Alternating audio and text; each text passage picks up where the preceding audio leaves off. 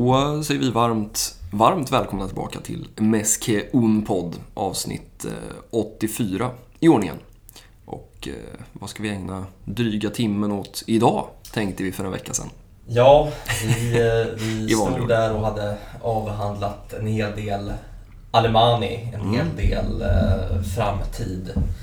Och eh, det var väl, kom väl som ett brev på posten eh, att det, ja, det händer ju alltid någonting. Det, mm. det känner vi väl till eh, vid det här laget. Eh, nej, men då kom ju beslutet som, eh, jag vet inte riktigt om man kan säga att det var väntat eller oväntat. Mm. Eh, det är väl någonstans däremellan. Mm. Men eh, allas vår Sergio Busquets, eh, han hänger inte av skorna i björken men eh, vi kommer inte få se han i Barca-tröja efter den här säsongen. Nej, lite en... Eh, eller jag vet inte vad dina första reaktioner var, men, men lite en, ja, men som du säger, inte en chock. Men eh, ja, jag hade nog ändå trott att han skulle stanna en säsong Ja, nej, men det har ju varit... Det har inte varit någon hemlighet att han har suttit med ett kontrakt på bordet, mm. mer eller mindre. Mm. Eh, och att det har varit upp till honom helt enkelt. Mm. Sen har väl snackats om att han skulle ha varit någon nyckel till Messis återkomst. Mm. Kommer inte Messi så stannar inte Busquets kvar, stannar mm. Busquets kvar kommer Messi. Mm. Och så vidare och så vidare. Ja, man undrar ju vad som sades på den där, på den där middagen för några veckor sedan. När, eh, eller några veckor sedan, bara ett par veckor sedan. Mm. Två kanske. Med eh, Messi, Busquets och eh, Jordi Alba som ju nu också ryktas lämna klubben. Hur de nu ska komma överens om de där ekonomiska termerna, det får väl någon annan fundera ut. Men ja, nej. Det är ju en, en era på något sätt. Den sista ja, av de där spelarna. Ja, och det var väl det som slog mig man eh, snubblade över någon, någon bild. På, ja, den helt på, svartvita nu liksom. Ja, på den där, eh, på den där startelvan i eh, Champions League-finalen 2011. Mm. Mot, mot United på, på Wembley. Mm. Eh, och ja, som du säger, det var svartvitt eh, över alla spelare nu. Mm. Och det gjorde väl någonting mm. med en. Ja, verkligen. Nej, det, jag vet inte vart man, vart man ska börja. Vi ska väl, eh, ska väl försöka ta ner den gode Sergi på något vis. Eh, det är klart att vi kommer att återkomma kanske lite mer formellt när han gör sin sista match mot Vissel Kobe. Ja, vi, vi konstaterade också att eh, man, ska, man ska till Japan när man mm. har liksom, haft en liten sån här busstur runt katalanska huvudstaden. Mm. Sen är det flygresa till, eh, till, till Japan. Mm. Nej, jag vet inte vad de... Dålig, dålig koll, dålig research. Man, de hade ju ett riktigt rövgäng där ett tag med Podolski och Fermälen och Bojan. Och, men jag, jag, vet faktiskt inte riktigt hur... Eh, Sergi Samper. Sergi Samper, såklart. När man kan nämna Sergi Samper så tar man ju ja, chansen. Det är ändå fint att Busquets får, får avsluta karriären mot sin egen arvtagare. det, det, som skulle ha, det som skulle ha blivit. Nej, men, ehm, det är klart att det kommer vara en... Vi satt här innan och pratade lite. Det, det kommer vara en enorm förändring såklart. Eh, det känns väl som att den där diskussionen om Sergio Busquets kommer att eh, pågå för evigt. Eh, om man är lagd åt det spanska eller det typ engelska hållet.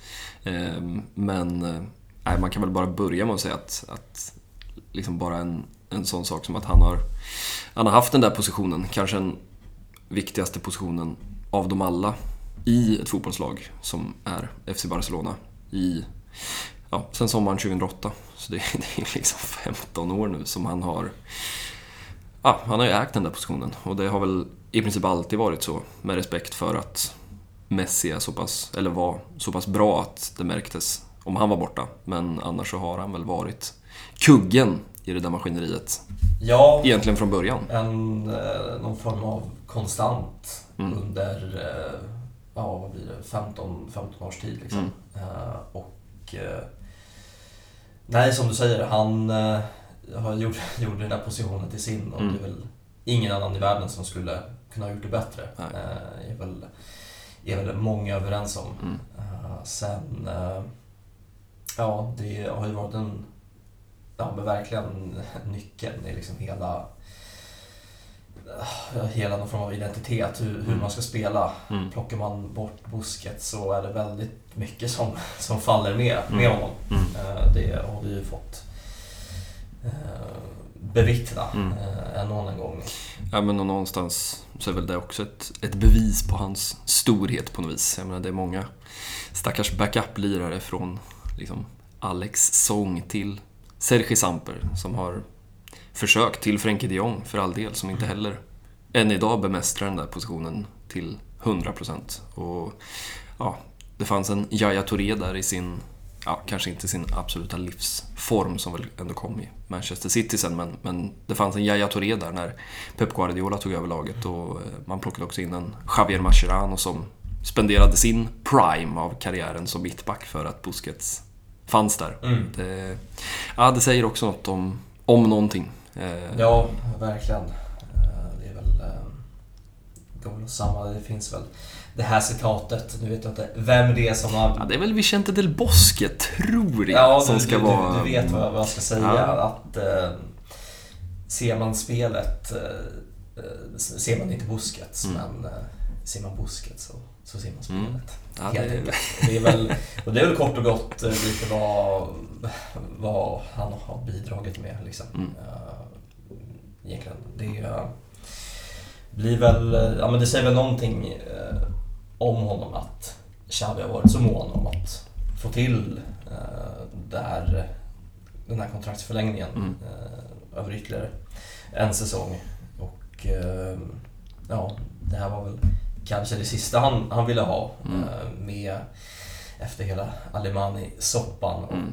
och osäkerheten som ändå kommer vara framöver mm. Eh, i det sportsliga liksom, bygget. Eh, så nej, det ska bli otroligt spännande att se, se hur man, man hanterar det här. Ja, men någonstans är det väl... Ja, han, har, han har ställts inför många utmaningar Eh, den gode Xavi sen den där novemberdagen 2021. Men, men eh, någonstans så känns det väl som att det här är en av de absolut största. Eh, att mitt i den här processen i att göra Barcelona till en europeisk stormakt i någon mån igen. Att ja, någonstans tappa det mest centrala han har i sin spelfilosofi, i sitt lag. Och eh, ja, vi ska väl återkomma till det om rätt många minuter men eh, det finns ju en del namn som det pratas om och som väl ska ligga på något slags jävla ritbord inne på Ciudad Esportiva. Oklart vem det är som håller i pennan just nu. Eh, men, men det är väl en annan, eh, en annan femma. nej, jag vet inte, det känns, det känns svårt att liksom sammanfatta Sergio Busquets karriär på något vis. jag tänkte, jag vet att vi pratade mycket i i liksom scener, bilder, datum när man pratade om Gerard Piqué. Eh, som ju då var den näst sista ut ur den där generationen. Och eh, det är väl ganska tacksamt att ställa de där två mot varandra på något vis. Eh, för att när Gerard Piqué har varit hänföraren, han som har stått längst fram på barrikaderna, han som har varit snabbast ner i omklädningsrummet, fram till telefonen och twittrat ut något spydigt. Eh, han som har stått med fem fingrar i luften. Eh, ja, Sergio Busquets har ju... Han har aldrig varit där. Eh, alltid Nej, i bakgrunden. Det, det är väl en, en, en lågmäld eh, figur mm. på, på, på det sättet. Mm. Eh, och eh, nej, det är väl... Det är väl inget sånt där eh, ögonblick utanför planen som, som kommer till en när man tänker på Sergio Busquets. Mm. Nej, det är väl... Ehm, jag vet att många, många pratar om den där... Eh, nu är väl vi båda så pass unga så att man har svårt att riktigt sätta det där i någon eh, form av detaljerad tankebana. Men eh, många pratar om den där Racing Santander-matchen den där hösten 2008 som... Ja, kanske det som man fortfarande minns. Hur en ranglig liten... Eller liten, han är ju ganska lång, men han är ranglig eh, fältare sattes in i den där elvan av Pep Guardiola som som jag hade haft honom i Barça B eh, tillsammans med Pedro också. Eh, och eh, ja, sen den dagen så har han inte släppt, släppt taget. Eh, sen är det klart att det finns, ja, det finns många mackor att prata om. Det finns många vrickningar och flickningar att prata om. Eh, några rätt schyssta compilations som har eh, svarvat förbi här på Twitter eh, under, under dagen. Men ja, jag vet inte, man, man dras ju till den starka assisten i Champions League-semifinalen mot Real Madrid eh, till Leo Messi. Ja, det eh. kan väl vara på något sätt den mest okomplicerade framspelningen han har mm. stått för. När han bara i princip tar emot bollen och, och, och släpper den och mm. lämnar upp en gata mm. för, för Messi att bara ja, men, kvicksilver på något som bara rinner igenom det där Real Madrid-laget. Ja, men det är väl lite som, jag tror det är Dani Alves som har assisten på eh, Messis mål mot Athletic Club i den där cupfinalen eh, som väl är våren 2015, om jag inte minns fel. Nej, eh, det samtidigt, jag tänker också på den, eh, på tal om Gerard Piqué då, på tal om, eh, som vi pratade lite om här innan, att vi har eh, ja, noterat en avsaknad av liksom, eh, politisk diskussion efter Laporta och Perez fighten här. Men eh, matchen mot Las Palmas hösten 2017 inför ett tomt Camp Nou. Eh, den där matchen som såklart Gerard Piqué pratat spalter om, eh, beskrivit som sin värsta upplevelse som fotbollsspelare. Eh, det är ju faktiskt Sergio Busquets som gör mål i den matchen. Eh, som, som aldrig gör mål. Han gjorde ett och Leo Messi som alltid gör mål, han gjorde två. Eh, den sitter också kvar på något sätt. Eh, han har inte hängt så många, så många baljer, eh, 18 stycken. Och nu tjuvtittar jag i statistiken. Jag har den inte i, i pannloben. 18 mål på 719 matcher. Säger också något om något. Ja, och då pratar vi väl om ett snitt på ungefär ett mål per säsong. Mm. och det är väl någonstans det man har, man har fått ut av honom. Mm. Sen var väl, om inte jag minns helt fel, det kom ju också upp bilder och matcher eh, och då ser man väl framför sig den här ja, ofattbara raset mot Celta Vigo mm. med interim Sergi på tränarbänken och en Busket som, som eh, placerar in en boll vid stolproten och mm. ser sådär äh, älskvärt förvånad ut. Mm. Han vet liksom inte riktigt hur han ska det känns som att han inte vet hur han ska hantera känslorna i den där kroppen som, som, som kommer upp när man har, när man har gjort ett mål. Eh, och ja, nej, han, har väl inte aldrig varit den vassaste målfiraren. Eh, Nej, det kan man inte påstå. Det kan man inte, inte ge honom. Man noterar också, eh, nu vet jag inte hur, riktigt hur tillförlitliga eh, den här statistiktjänsten, fina fina transfermarkt är, men mm. den siffran jag har är 45 assist. Och det säger också väldigt mycket om vilken spelare Sergio Busquets är. För skulle man räkna någon form av ja, hockeyassist eller moraliska assister så ja, då är nog den siffran oerhört hög.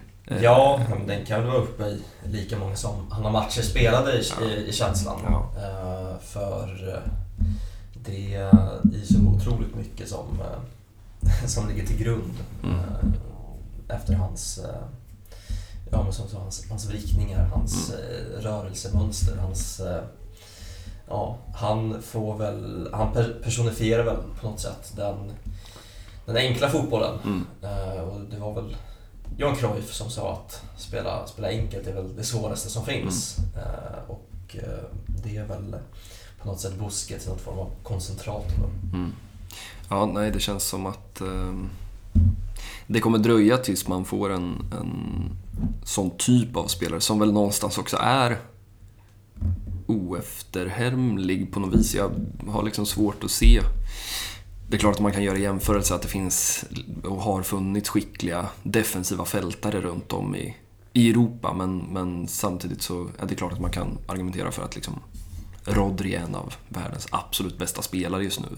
Xabi Alonso var elegant som få men ja, Sergio Busquets är väl någonstans unik i sin, i sin stil. Eh, och det är klart att La Masia har försökt stöpa fram några till sen dess. Men eh, nej, jag återigen att ja, jag tror man får försöka sätta, sätta fingret på det där att hålla i, i 15 år som han ändå har gjort. Eh, och sen kanske vi ska komma till ja, men liksom den någonstans nutida kontexten där han också eh, och det noterade i alla fall jag på sociala medier att eh, ja, folk eh, inte riktigt uppskattar honom och att det väl kanske är de här sista ja, om det någonstans har sin början i Ernesto Valverde-tiden och de åren som har följt därpå. Eh, att det är klart att Sergio Busquets har varit, eller blivit åtminstone, en del av det här gamla gardet som, som vi och så många andra har suttit här och pratat om så många gånger. Eh,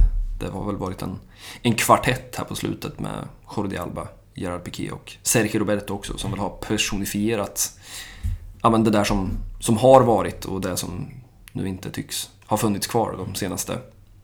Ja, man får väl nästan sträcka sig till, till fem år då, om det ska börja med säsongen 18-19 eh, och den där riktiga Champions League-kollapsen kommer väl i och för sig kanske till och med en säsong tidigare kan man väl tänka sig.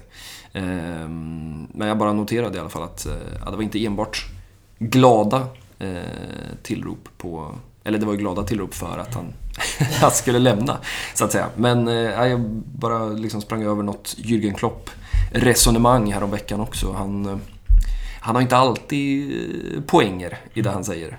Jag tycker han kan vara en flosklernas mästare ibland, men här hade han faktiskt ett ganska ja, liksom intressant resonemang om Mohamed Salah och, och poängen var väl någonstans att ja, men ni kommer förstå sen när Salah sitter i någon Sky Sports-studio och eh, babblar och vi ser, ser vad han har gjort. Vi ser hans eh, siffror, vi ser hans eh, klipp och highlights. Och att vi är för dåliga på att uppskatta de riktigt stora spelarna. Och man ska väl inte försöka sig på att rangordna, men, men det är klart att Sergio Busquets i någon slags hel och total och fullständig Barcelona-historia är inte bland de absolut största, men han är ju absolut bland de namnen som man kommer att prata om länge. Ja, verkligen. Och jag tror verkligen att det eh, tyvärr kommer att bli så att det är när han inte längre finns där som vi kommer se hur mycket han har, eh, hur mycket han har betytt. Mm. Eh, helt enkelt. Mm. Eh, för man, även om han har varit en del av det här, den gamla liksom, gruppen av kaptener som, som har varit med om alla de här ja, urusla eh, insatserna i, i Champions League och mm. som man många gånger har tänkt att eh, det kanske är dags att, att tacka för sig redan nu. Mm. Eh, så tycker väl jag ändå, när man sitter här och, och, och tänker tillbaka, att han fortfarande, han fortfarande bidrar på ett sätt mm. som, som, som väldigt få eh, gör. Mm. Eh, och då pratar jag inte enbart eh, de gamla rutinerade utan generellt mm. nya spelare in. Det finns ingen som, som är så viktig som, som Sergio Busquets. Eh, det ser man fortfarande. Kikade man på bortamatchen mot Rayo Vallecano mm. så kanske det är någon form av liksom, försmak på, på, på vad det är som väntar helt enkelt. Mm. Ja, nej, men det är klart att det är ja, det, det, är 15 år och ja, det, det är klart att en, när en, en Gerard Piqué försvinner eller när en ja, Jordi Alba för all del har försvunnit. Eh, ja, det är klart att det blir skillnad men det, det märks väl inte på det, på det sättet. Eh, jag tror återigen det är svårt att hitta en, en spelare förutom Leo Messi såklart för att han är liksom den bästa som någonsin har funnits. Men, men i sin roll så, så ja, jag har svårt att se att det finns någon annan än Sergio Busquets som man kan plocka bort och få den typen av konsekvenser. Och, ja. eh, man kan tänka sig att Xavi sitter, sitter och kliar sig i det där håret eh, som väl lär bli allt gråare. Gråare och tunnare. Och ja. det har man vi har varit med på några sådana förhandlingar. Ja, men det känns som att det är inte helt långt till en hårtransplantation för den gode Xavi. Nej. Jag tror inte att han vill, vill göra en pepp när, när det ändå är dags. Men det finns väl också någonting, tänker jag, i att, att Sergio Busquets lämnar. Han är 34 eh, och eftersom Luka Modric har förstört den här diskussionen. Eh, han är väl 37 eller 38 till och med möjligtvis. Eh, vilket jag, det är lite som liksom Neymar övergången till Paris Saint-Germain när alla spelare helt plötsligt skulle kosta en miljard. Nu ska alla spelare kunna spela tills de är 37. Eh, riktigt så funkar det ju inte. Eh, och någonstans så känns det väl ändå som att Busquets kliver av i rätt tid. Eh, även om man kanske då hade velat se honom i, jag vet att vi har pratat förut om att ja, men en, en Xavi 14-15 roll nästa säsong. Eh, där man inte ska stå och falla med Sergio Busquets. Där det inte kan vara så att man åker till Rayo och inte klarar sig. Eh, men att Busquets finns där, att man kan lita på honom när det behövs. Eh, när man behöver kontrollera en match. Eh, och bara att ha honom, ha honom kvar i katakomberna, korridorerna, omklädningsrummet. Nu blir det inte så och någonstans så, så känns det väl också som att han, till skillnad från, ska gudarna veta, ganska många andra de senaste tio åren, ja, han lämnar i, ja, om inte i rätt tid så inte för sent. Nej, I alla fall. nej men det är, det, det är verkligen, verkligen känslan. Uh, han kommer få lyfta den där La Liga eh, trofén. Mm. Ja, och att det är hans eget beslut ska väl någonstans sägas också. Ja, men precis. Han har väl också tagit makten över, över sitt öde mm. eh, på ett sätt som som är få förunnat i, mm. i liksom ja, dagens mo moderna fotboll. Eh, och eh, bara det eh, betyder någonting, mm. såklart. Mm. Ja, men det, det, säger väl också någonting, tror jag, när man, när man tittar tillbaka ja, men på de spelarna som man, som man kände levde på sån extrem övertid. Eh, Jordi Alba kanske har varit en av dem, Ivan Rakitic definitivt en av dem, Luis Suarez 100% en av dem.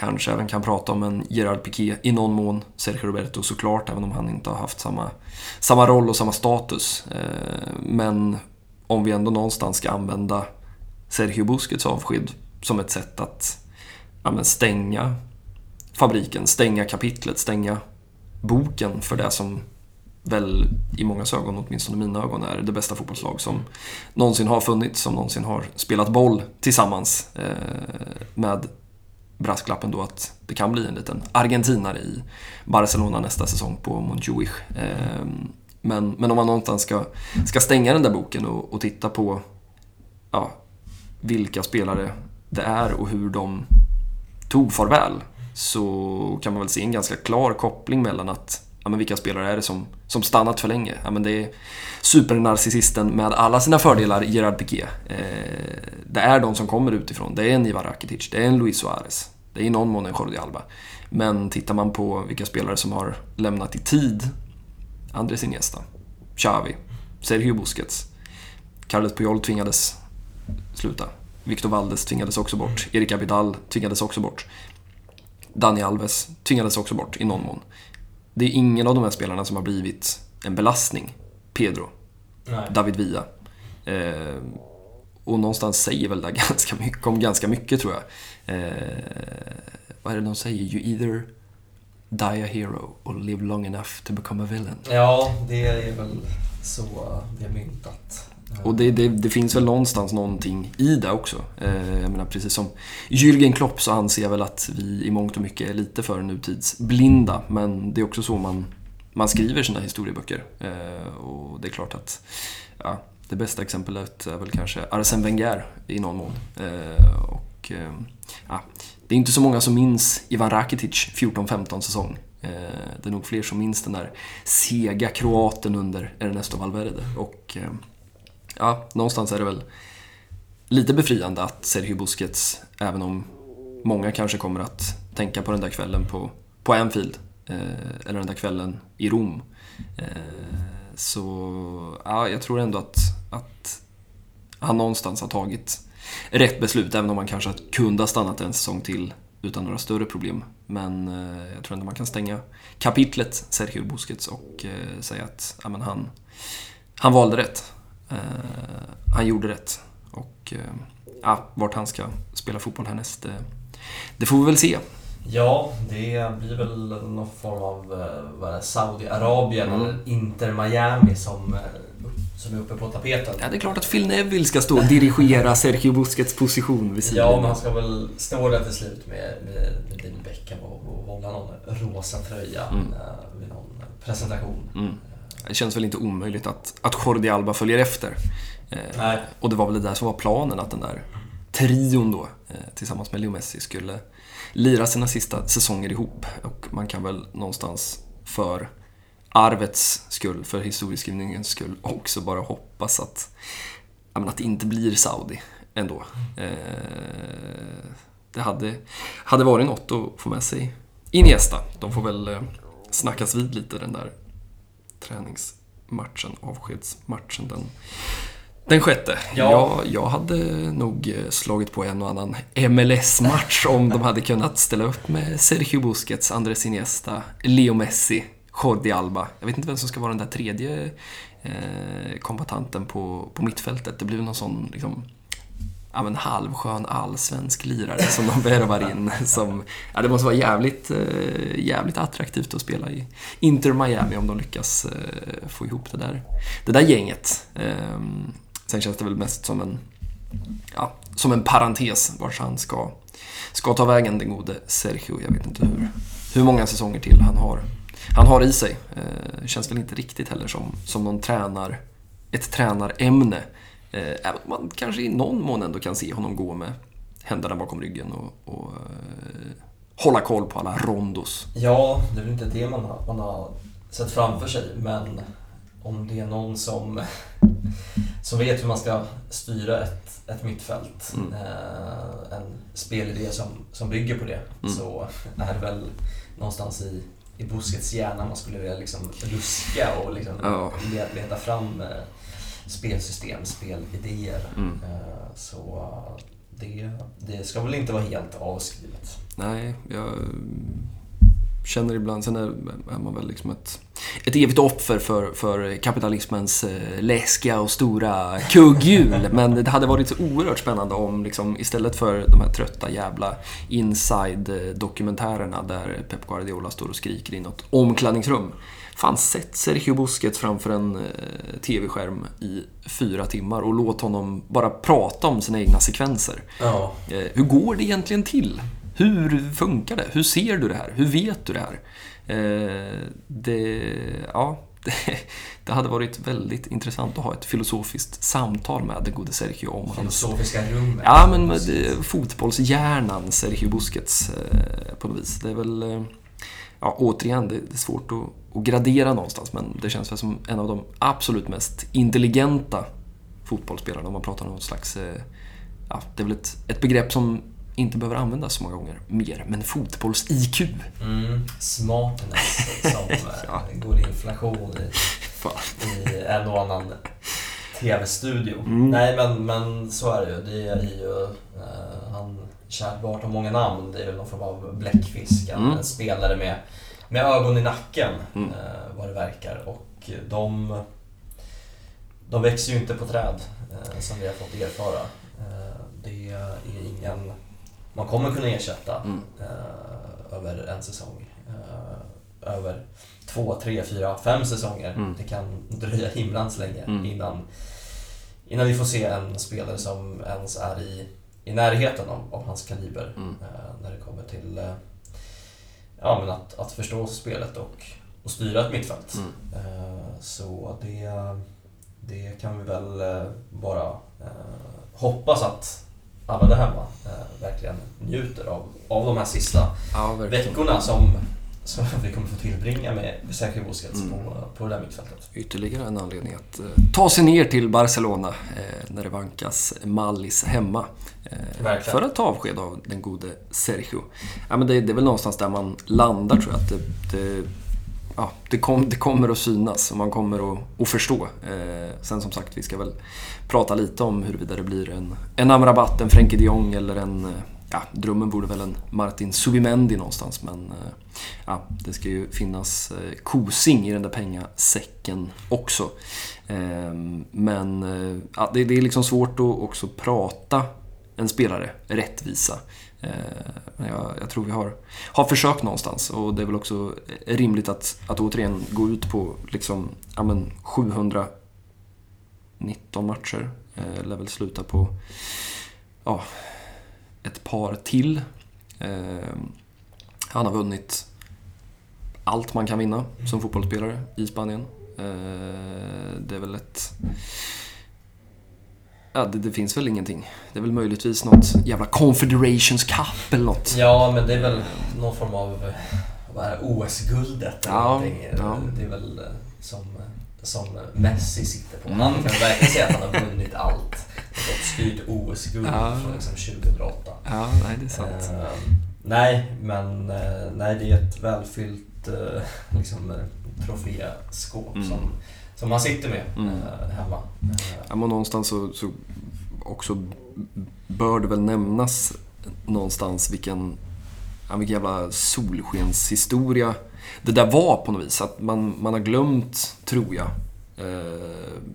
de där två, tre åren där ja, men Sergio Busquets, om man ska hårdra lite, i princip på två år går ifrån att spela på ja, diverse konstgräsplaner runt om i den spanska trean eh, på ja, men typ enbart katalansk mark. Jag tror att det var någon form av jävla regionserier på den där tiden och Pep Guardiola står i någon, något litet plastavbytarbås ute i Tarragona och eh, två år senare så, eh, så står han i Johannesburg med en VM-pokal och eh, redan där så har han ju vunnit allt man kan vinna på, mm. på klubblagsnivå. Eh, och han är väl då ja, 22 år gammal. och eh, ja, sen höll han på i 12-13 år till. Ja, det har gått snabbt. Det känns som att det inte var så länge sedan. Eh, han, han var i Johannesburg, så mm. han var på Olympiastadion i Rom, mm. i Berlin mm. Eh, och, och, fick lyfta de största, största av, av titlar mm. Eh, helt enkelt. Mm. Så nej, det, det är verkligen tid, tid att njuta mm. helt enkelt. Nej, det är bara att lyfta på någon form av någon form av jävla hatt. Eh, ja, vi spelar någon form av fanfar för, för, för Busquets. Eh, om inte rent musikaliskt så, så inombords i alla fall. Ja. Det, det, ska, det ska han ha. Nej, och jag hoppas som sagt att folk eh, sluter upp på Camp Nou för att ja, det, det är välförtjänt. Eh, det blir väl den riktiga avtackningen med all respekt för en eh, träningsmatch på japansk mark. Eh, jag kan tänka mig att det blir en och annan hyllning där också. Men ja, jag hoppas verkligen att, att klubben gör rätt, gör om och gör rätt. Det hade väl inte varit helt orimligt att bjuda in en Gerard Piqué också, kan jag tycka. Eh, oklart hur många broar han har hunnit bränna eh, de här månaderna. Eh, men eh, nej, det... Återigen, det är väl en av de, de absolut största eh, som har spelat på, på det där mittfältet, på den där gräsmattan på, på Camp Nou. Och ja, det, det är lite, lite av en sorg. Ja, eh, någonstans, att, att det tar slut. Eh, att man inte ska få få se Sergio Busquets vända eh, på en femöring. Att man inte ska få se en macka till Rafinha mm. i höst. Eh, att man inte ska få se det där ja, konstiga kroppsspråket mm. eh, som man kan ha när det går emot. Eh, det är... Eh, ja, eror börjar och eror tar slut. Och ehm, ja, jag vet inte, det, det är väl rättvist någonstans att kalla det här för ja, men liksom en bok som ett kapitel som, som stängs. Eh, om dessutom det blir så att Jordi Alba försvinner i sommar och framförallt om inte Leo Messi kommer tillbaka så ja, då är det verkligen upp till bevis. Eh, jag vet inte vem som är, är den riktiga fanbäraren då. Eh, och alla vet ju att svaret är Sergio Roberto. som, som, får ta, som får ta den där bilden. Ja, eh, så som det ser ut i, inte i skrivande stund, men i, i, i talande stund. Ja. Ja, men vi kanske ska rycka det plåstret eh, på en gång innan vi, innan vi börjar prata derby. Eh, så ja, det är ju onekligen planeringstider just nu, både på Xavis bord på ja, Alemanys, om han inte redan har städat ur sitt kontor. Eh, han kanske har det digitalt i något moln någonstans. Eh, men också i de spanska tidningarna såklart, på de spanska webbsidorna. Eh, och och ehm, ja, som sagt, vi ska återkomma till transfermarknaden på riktigt. Men eh, ja, den där kaptensfrågan har ju, ja, den har ju seglat upp nu. Eh, I och med att Busquets lämnar så är det ju en position ledig. I och med att Jordi Alba förmodligen lämnar så ja, då är det två positioner lediga. Eh, Aska Messi tillbaka, oklart. Och eh, ja, då vet vi ju alla vem som kliver fram. Ja, det, det är allas vår, vår favorit som... Ja, men det är ju på, någon, på något sätt en helt otrolig utveckling att vi... Ja, men på riktigt. Eh, att det, ja, det är en väldigt, väldigt stor sannolikhet att, att det är Sergio Roberto som, som blir Barcelonas för, första kapten. Mm. han slutar aldrig att, att förvåna med, med vad, vad man kan åstadkomma med lite liksom hårt gnugg mm. och tålamod. Lite grinta. Ja, då, då kan det sluta att man är vid, ja han är väl också passerat det där 30-strecket. Mm. Mm. Då, då kan man till slut vara, vara kapten. Ja, nej, det, den dagen som Sergio Roberto kastar in handduken, eh, då ska vi nog ha vårt längsta poddavsnitt någonsin för att försöka förstå eh, mannen, ikonen, rörelsen Sergio Roberto. Eh, även så pratas det ju om Ousmane Dembélé eh, som ett alternativ. Eh, om man ja, går liksom den här, eh, hur länge har ni varit i klubben, hierarkin. Eh, det säger väl också något om något, att han har varit där i sex år i, i sommar. Ehm, och jag vet inte riktigt, alltså det, det kommer väl att eh, lösas i, i, slutet av säsongen såklart. Ehm, och kutym har väl varit, om jag förstått saken rätt, att man har röstat mm. eh, tidigare. Och eh, jag vet inte, vän av ordning skulle väl kalla det för ett ganska demokratiskt sätt att bestämma det på. Jag vet inte om du har... Du, du kanske tycker att Xavi ska vara dominant här och gå in och, och eh, domdera, eller hur? Nej, det, det, det, låter väl som en, som en, eh, som en bra eh, liksom, urvalsprocess. Mm. Det skulle Sen, kunna bli lite problematiskt om man ska välja liksom två kaptener, tänker jag. Ja. Då, vem, om, man, om man ska lägga liksom, vem, vem vem ska vara två och tre? Ja, hur, men, hur går man till? Hur är det den med liksom näst flest röster? Alltså får, kan man taktiskt rösta? Ja, Taktikrösta. ja, ja men sen finns det väl spelare som man såklart eh, hellre än andra hade velat, mm. man hade velat se med den här bilden. Mm. En sån som Ronaldo Araujo. Mm. Ja, men han är väl dess, han borde väl ha bindeln. Ja, men det, det tycker man. Han har väl alla, alla kvaliteter, kvaliteter som man ska ha som, mm. som kapten i det mm. där, i det där mittlåset. Mm. Uh, så absolut. Och sen är väl Ter Stegen på något sätt ändå uh, självskriven mm. uh, i och med att han har varit fjärde kapten mm. och tredje kapten. Mm. Det är något i mig som inte riktigt uppskattar en målvakt med bindel. Det, det är väl alltid liksom, någon form av någon form av helgardering, någon form av liksom safe bet. Mm. Man, man, man slänger den på keepern. Mm. Så, ja, men det är så, den ska liksom, ja. Man måste ha ut någon som var på planen. Ja, lite så. Alla kan liksom inte vara Victor Valde som drar liksom 70 meters löpningar stup i kvarten.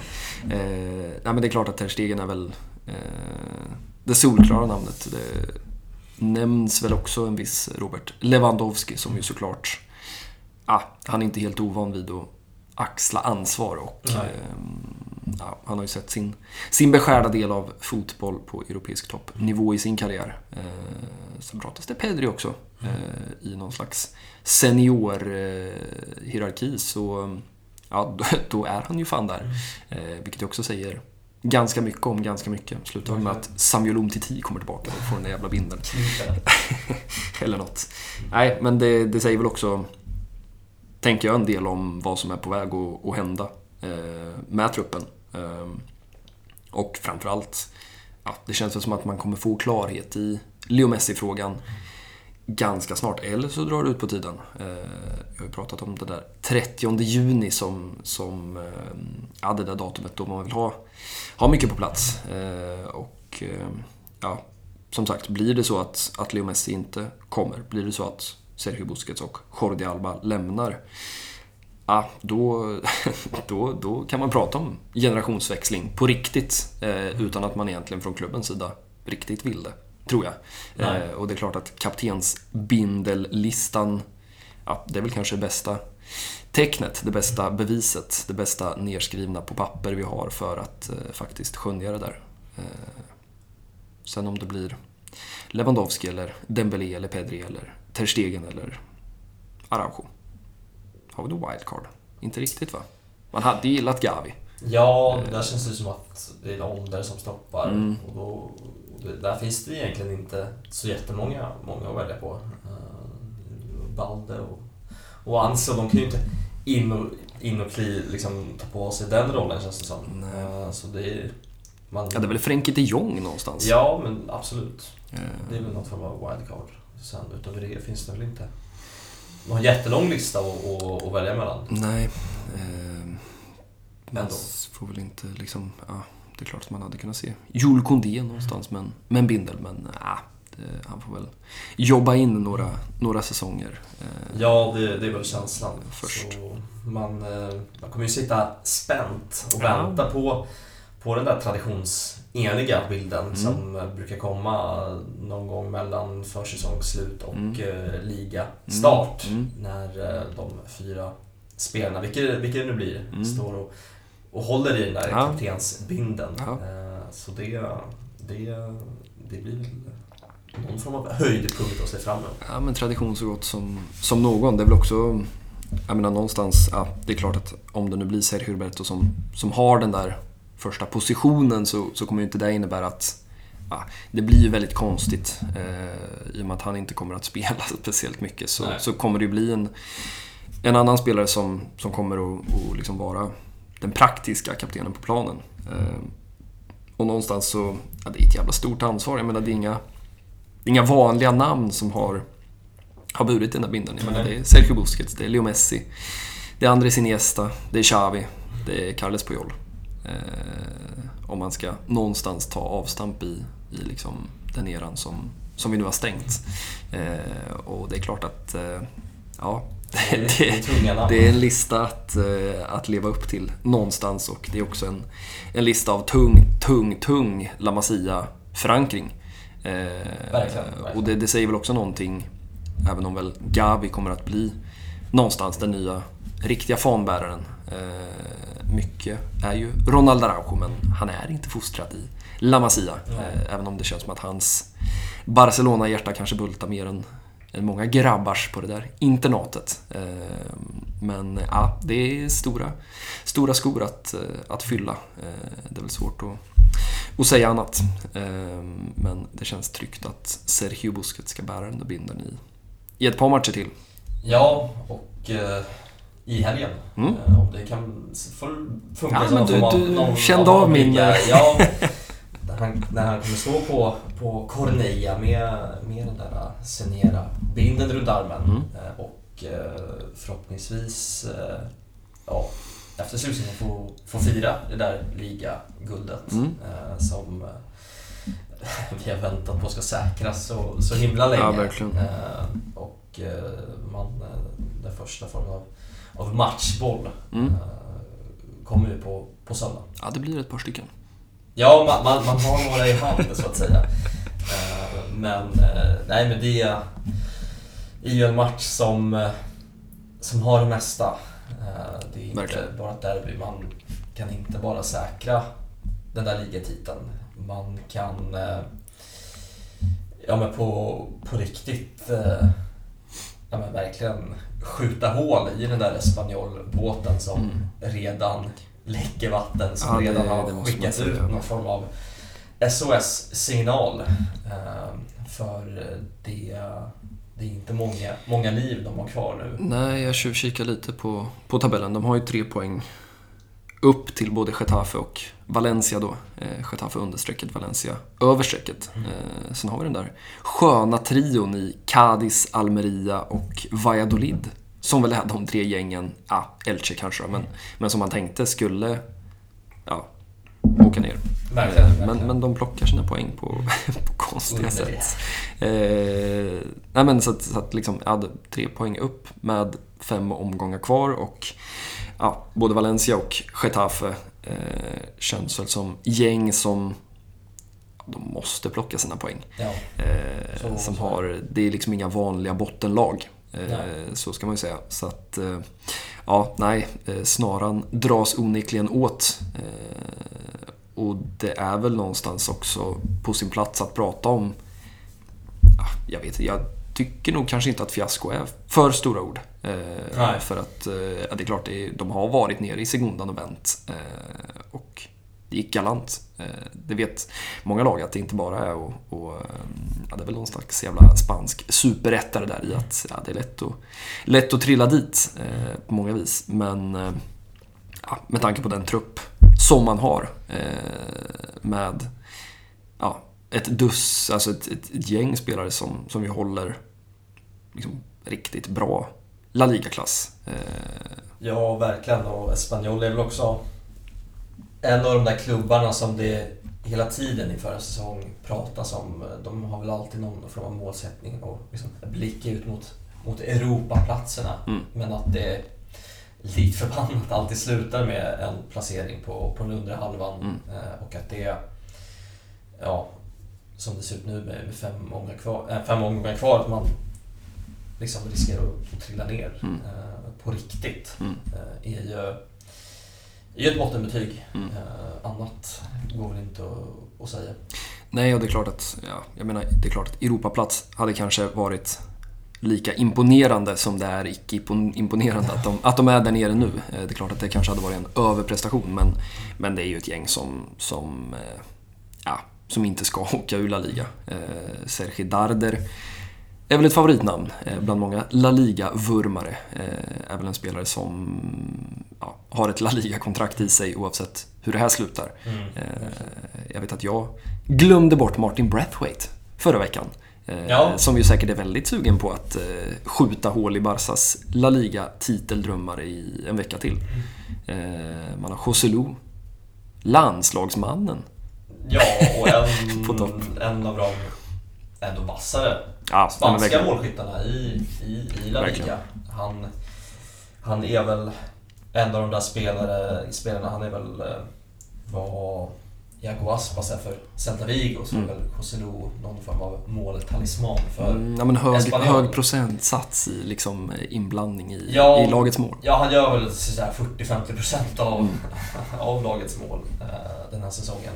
Uh, och Nej, det är ju verkligen en, en, det kan bli en uppiskad stämning mm. kan man lugnt säga. Mm. Snubbla förbi någon nyhet här om att ja, några Barcelona-supportrar som har på sig Barcelona-färger. Mm. De är minsann inte välkomna. Ah. Eh, och det ska väl vara något form av svar på, på det Barca har, mm. har, har gjort mm. eh, efter den där Europa League-kvällen. Ska vi tillbaka dit? Vi ska tillbaka dit, det har vi anledning till. Eh, när, eh, när Camp Nou var färgades i vitt mm. Eh, så apropå att dra åt snaror så mm. var det väl exakt det som Laporta gjorde. Ja, verkligen. Eh, det kablades väl ut bilder så sent som för några veckor sedan när Atletico Madrid kom på besök. Mm. Att, att man i princip eskorterade bort supportrar som mm. hängde upp någon Atleti-flagga mm. från Ja, jag vet inte, jag vet inte liksom. riktigt vad man ska tycka om det där hela, hela vägen. Med all respekt för att man inte vill ha ett, ett nytt Eintracht Frankfurt hav. Ja, eh, precis. Så, ja, man, man... Det är ju inte riktigt det man får heller i det spelet. Det, det finns väl... Akil Värmer säger att det är någon form av så här bortaresa-tradition. finns det ju inte i Spanien på samma sätt som det gör i Sverige eller i många andra mm. europeiska toppligor. Mm. Uh, så uh, nej, där får man väl uh, bara säga fy skäms på Laporta eller något i den stilen. Det känns ju inte så jäkla fräscht. Nej, faktiskt inte. Men ja, så det kommer ju vara en, en helt och hållet vitblå färgad bildkuliss mm. på, på Colonia mm. på, på söndag.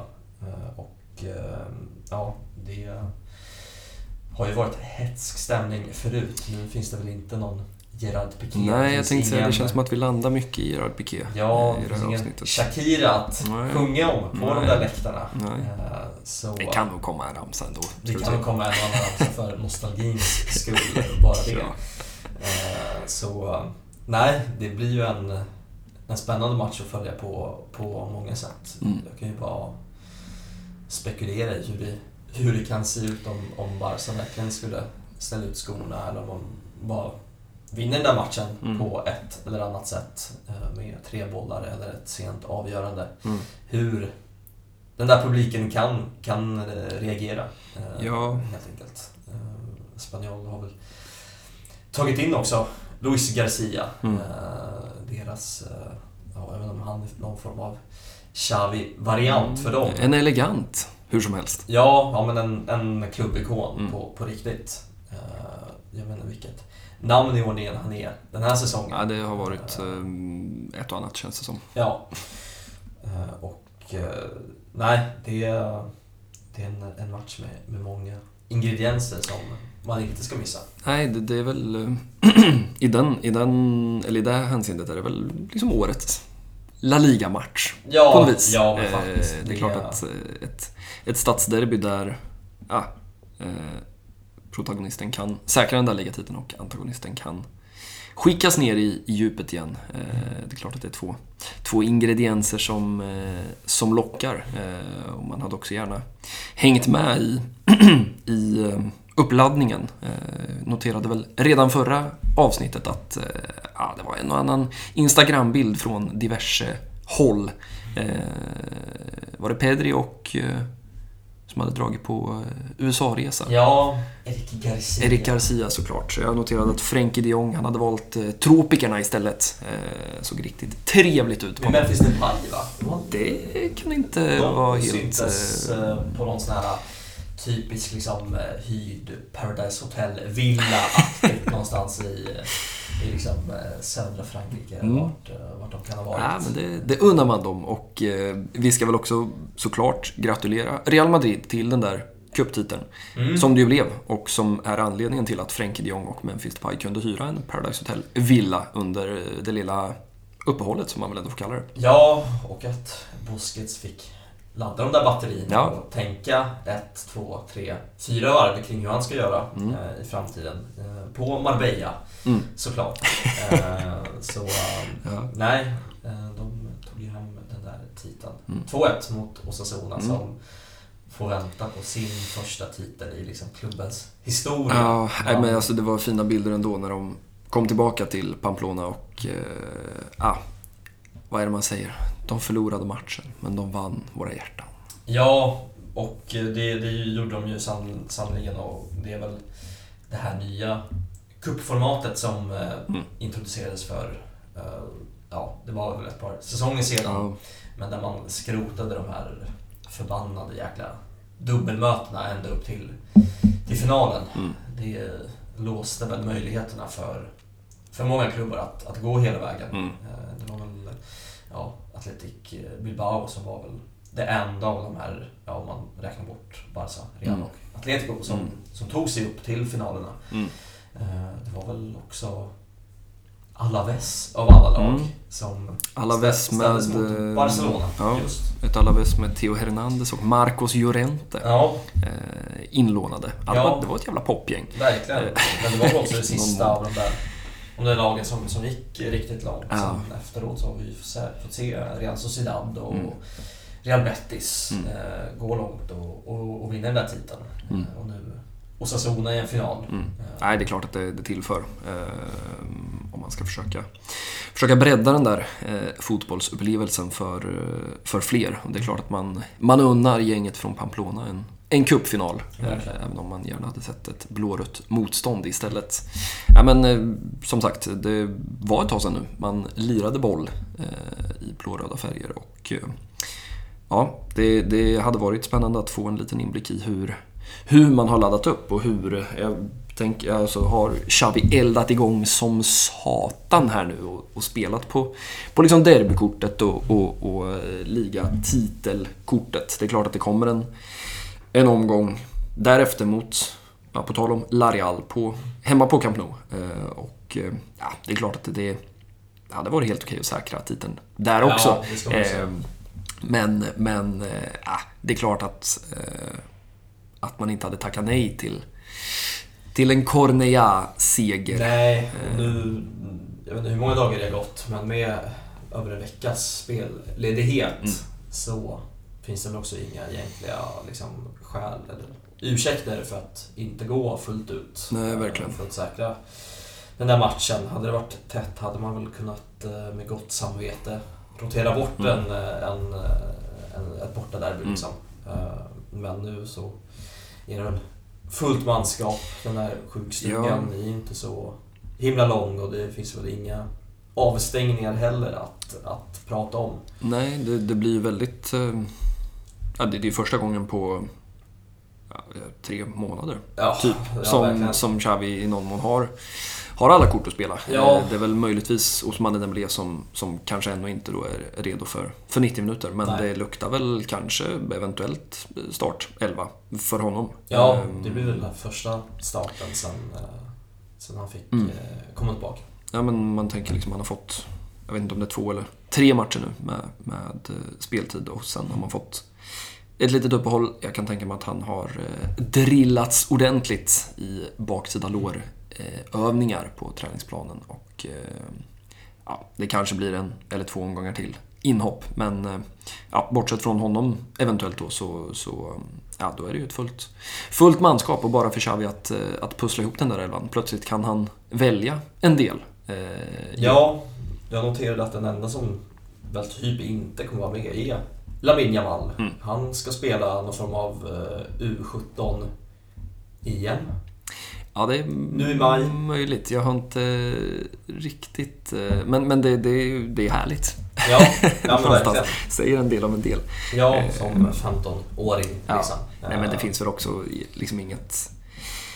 Ja, det är väl rimligt att, att, att släppa iväg honom. Det finns väl inget eh, tvivel i det. Eh, sen vet jag inte om han han hinner tillbaka då. Eh, det beror väl på hur det går i mästerskapet då kanske. Eh, ja, så, så är det. Men eh, ja, nej. Det, ja, ska han spela Gavi där ute till vänster?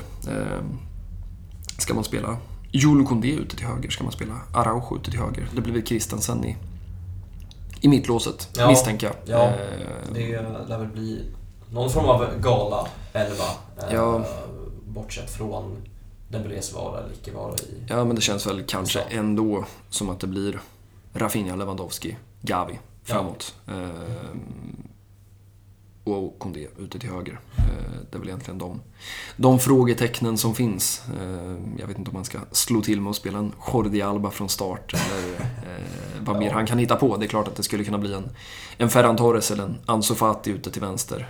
Men ja, frågan är då vem han, han ska sätta på kvisten, eh, Xavi. Nu är vi tillbaka i den där fyrmanna mittfältsfrågan som han ju löste så smart där i höstas. Och ja, jag har lite svårt att se honom frångå den. Nej. Eh, måste jag säga. Det hade varit fräscht, fräckt, härligt. Men eh, jag vet inte vem som, som skulle få sitta kvist i så fall. Eh, man glömmer lite att det fanns en, en tid där, där det pratades om, nej, men, ska det vara Gavi eller Frenkie de Jong i den där, mm. i den där elvan. Eh, känns eh, väldigt avlägset eh, just nu. Men ja, vi får väl se. Det, det, blir väl ett tecken på, på någonting i alla fall när man tvingas att välja ut en, en galaelva. Eh, sen har vi väl pratat om det många gånger förr men det ska bli spännande att se hur man sen hanterar eh, sluttampen. Eh, det är ändå fem omgångar kvar och ja, man hoppas ju ändå att den där titeln ska vara helt och fullständigt matematiskt säkrad. Ja, men, om inte i helgen så nästa helg. Ja, eh, det slutar väl, slutar väl med att liksom Real och Atleti torskar istället. Ja. För att man blir eh, skrivbordsmästare. Ja, Mästare i kostym. Surt. Ja, det hade väl varit eh, lite talande också i, ja. i någon mån. Nej, men eh, ja, en sån som Lamin Jamal var väl en sån spelare som man hade tänkt sig få lira en del här på slutet. Ansu Fati. En annan kanske en Pablo Torre från fiskpinnarna där nere i frysboxen. Ja, det hade ju inte varit... Alltså det hade ju inte varit eh, jätteöverraskande om han äntligen får, får någon 90 minuter. Ja, han har väntat på det. Ja, eh, det får man lugnt säga. det ska gudarna veta. Ja. Jag vet inte om vi ska...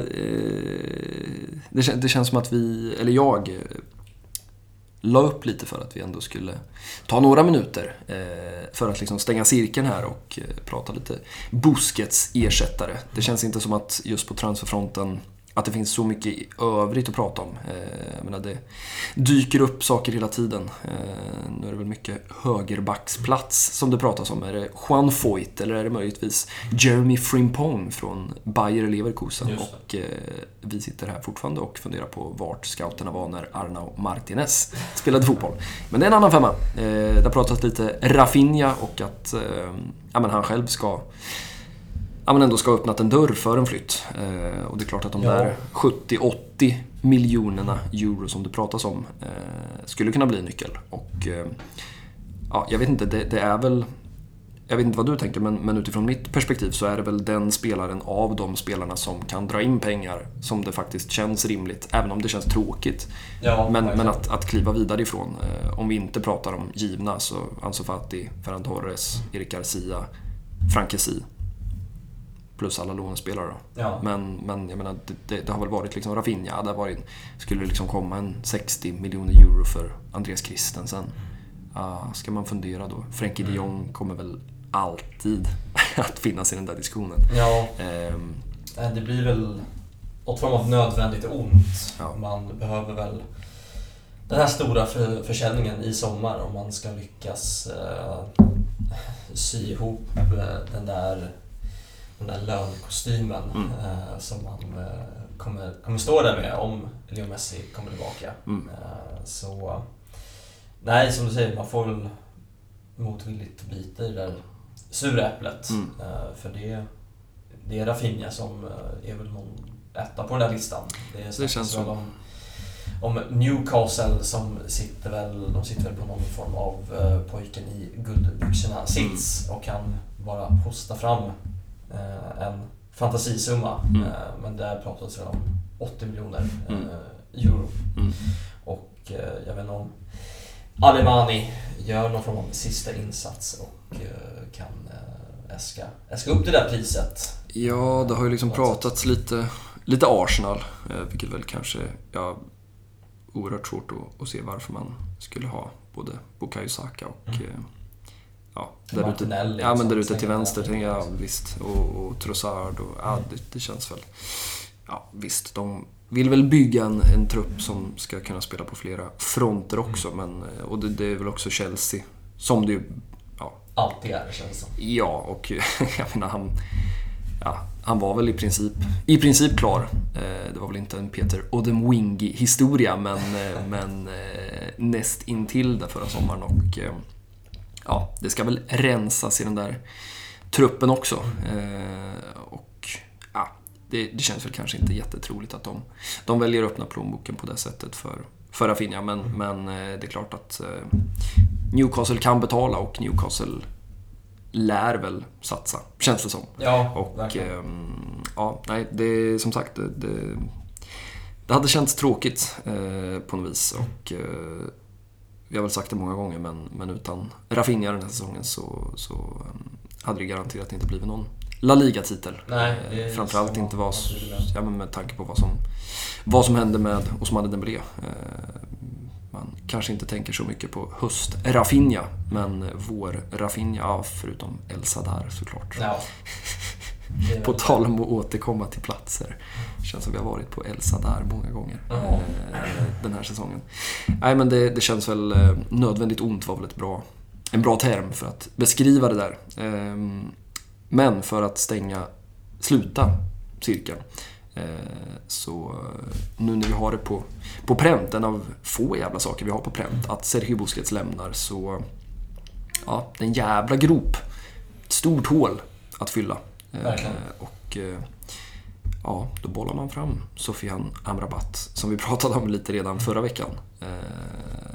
Och ah, jag vet inte. Det är väl egentligen han, Martin Subimendi och Ruben Neves som är de tre spelarna som, som det har pratats om. Det är någon ung uruguayan också som jag inte ens har namnet på. Eh, som, ja, som väl också har, har bollats i sammanhanget. Eh, men ja, det är väl de tre lirarna och då ska man väl ha med sig att, ja fyra då.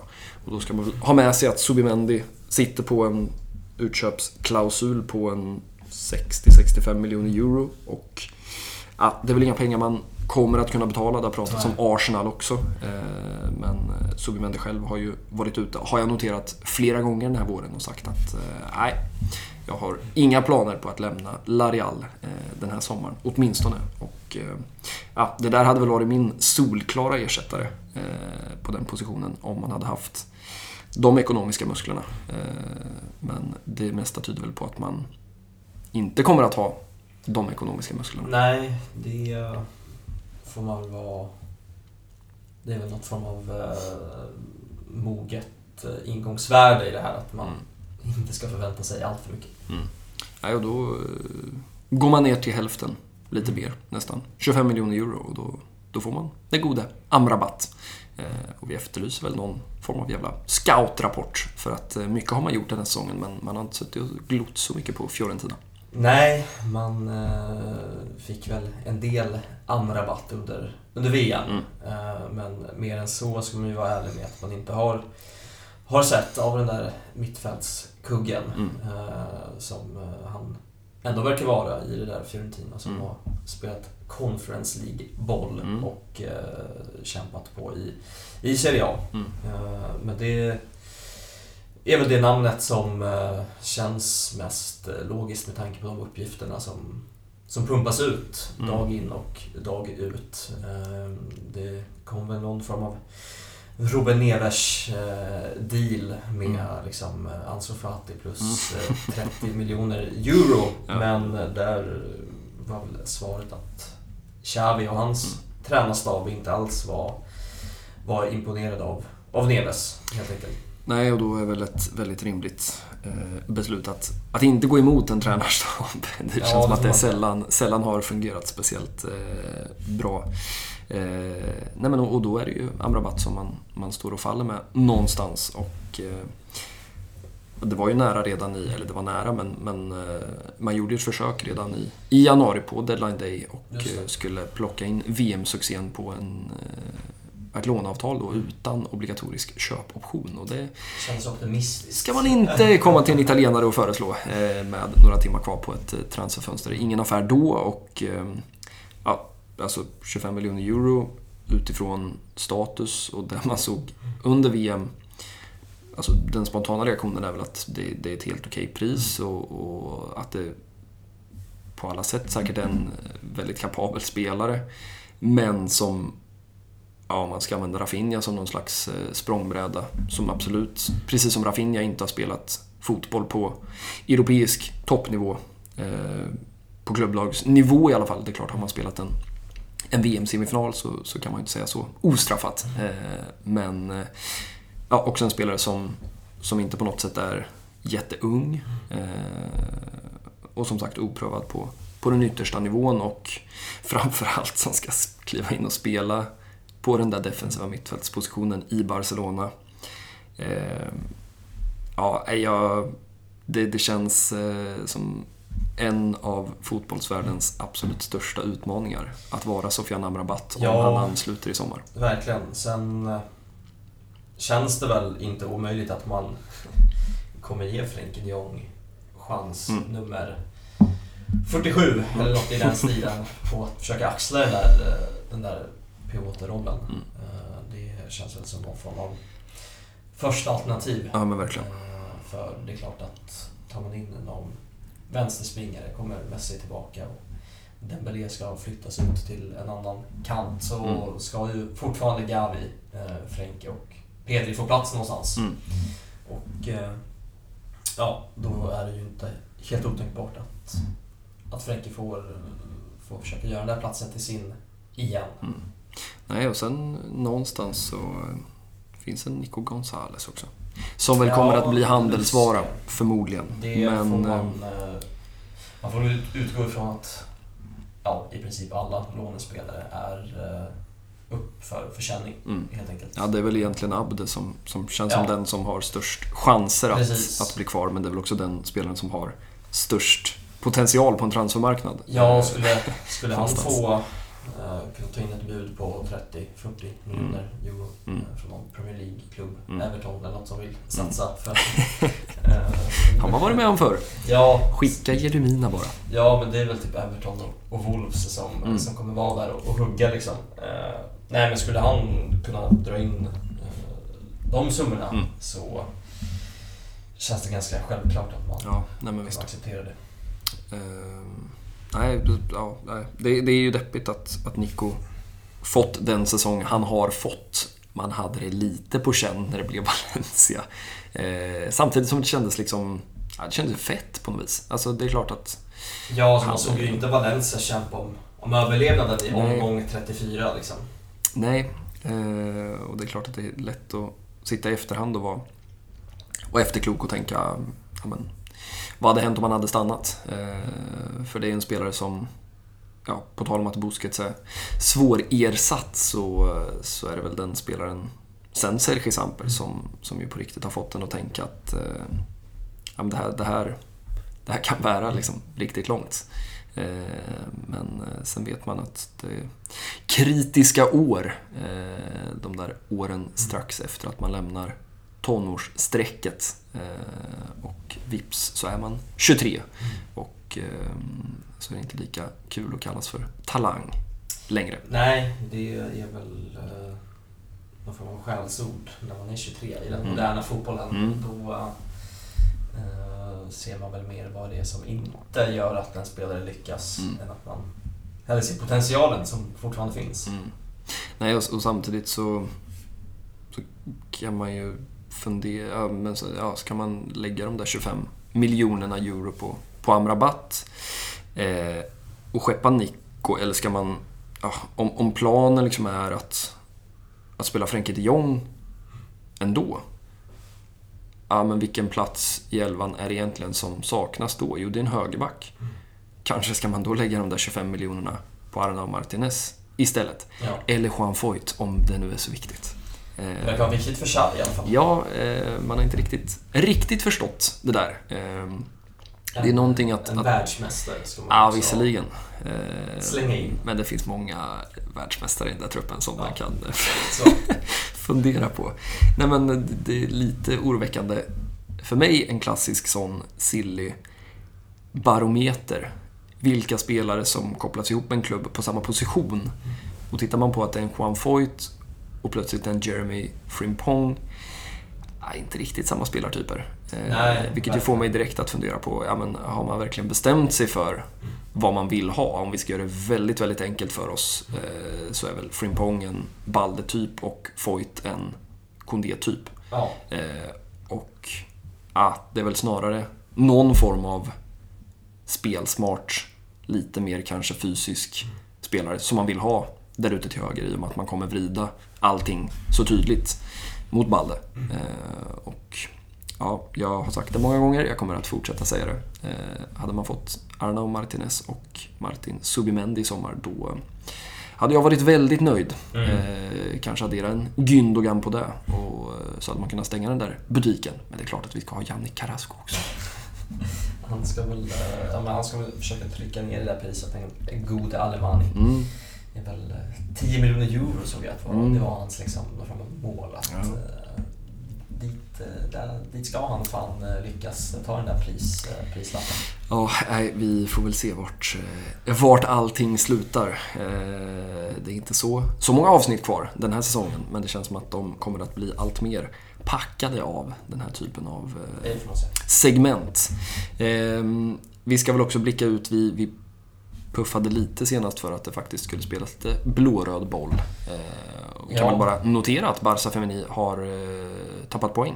Ja, det... för första gången på, på länge ett roterat Femini. Ja, verkligen. Eh, fick bara 1-1. Ja, och då ska man säga att det kom en kvittering i 80 Ja, Så att eh, det kunde ha blivit riktigt traumatiskt. Ja, man... Eh, 62 segrar i rad slutade den där äh, sviten på. Ja, det känns deppigt att inte kunna kasta ut bollen till dig eh, ja. för att få en bicykleta tillbaka ja, med precis. en korrekt siffra. Nej, det är bara att börja om. Det, den är nere på noll eh, och den ska väl traska upp eh, dit igen vad det verkar. Men ja, man får väl satsa på någon form av obesegrad svit i alla fall den här säsongen. Ja, Eh, det är väl inte fy skam det heller, även om det är väldigt trevligt att se den där raka resultatraden. Mm. Men det känns nästan, eh, nästan olagligt på... Ja, det är väl någon form av sundhetstecken att roterat feminin, även de kan tappa poäng. Ja, men i någon, i någon mån. Och korrespondenterna har väl vidare noterat att eh, Barça B klarade den där toppmatchen mot Eldense. Man, man räddade den där poängen. Ja, det såg tufft ut ja. eh, väldigt, väldigt länge. 0-2 underläge. Mm. Så kommer man tillbaka i det andra. Ja, man ska aldrig räkna ut Rafa Marquez mannar i, i förtid. Eh, man har Intercity hemma på lördag. Ja, det är ju tre matcher kvar noterar jag. Mm. Och man har, man har sex poäng ner till Real Murcia som mm. är laget bakom de här playoff-platserna.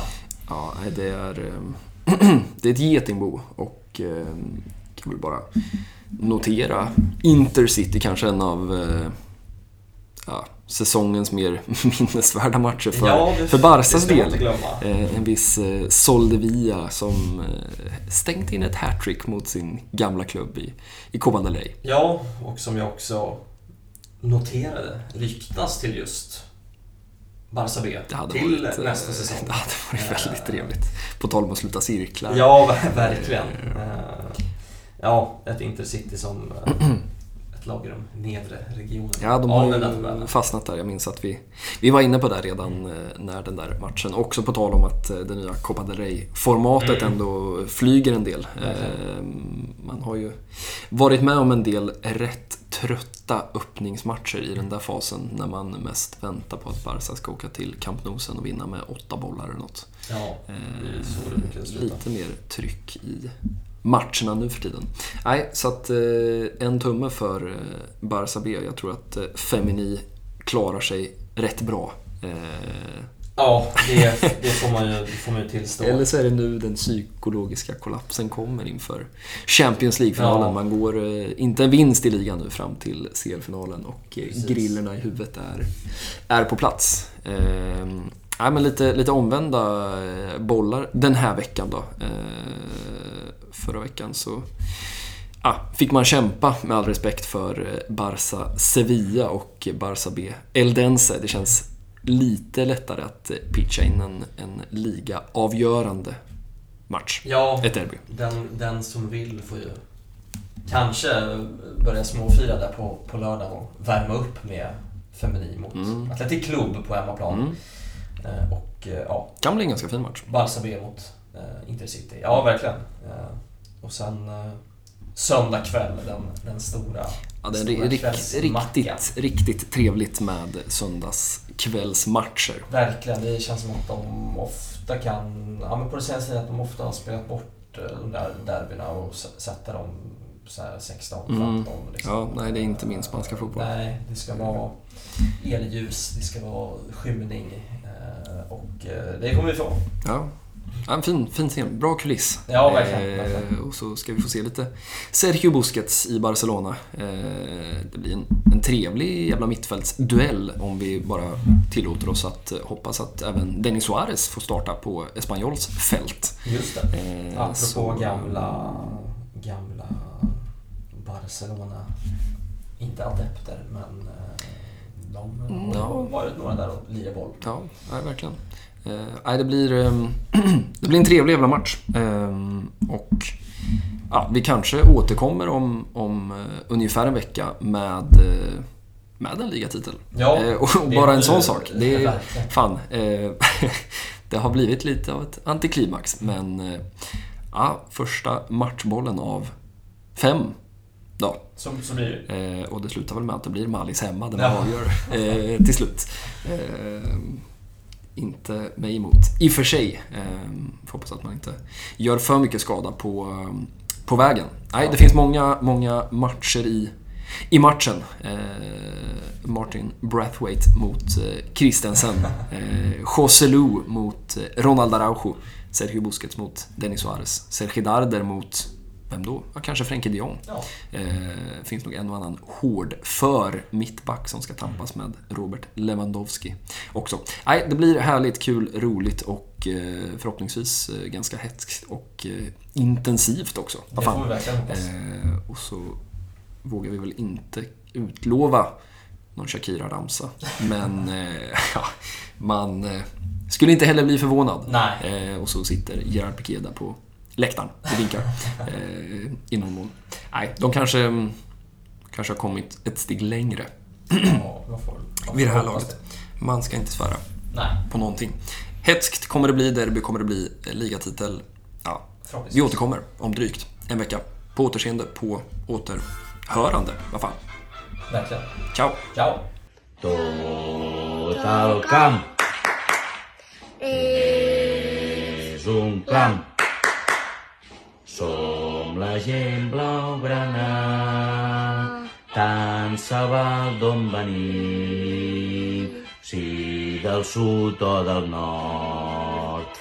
Ara estem d'acord, estem d'acord, una bandera ens agermana, blau, el bé, un crit valent. Ara, tenim... Un alça i tothom. Barça! Barça! Barça! Barça!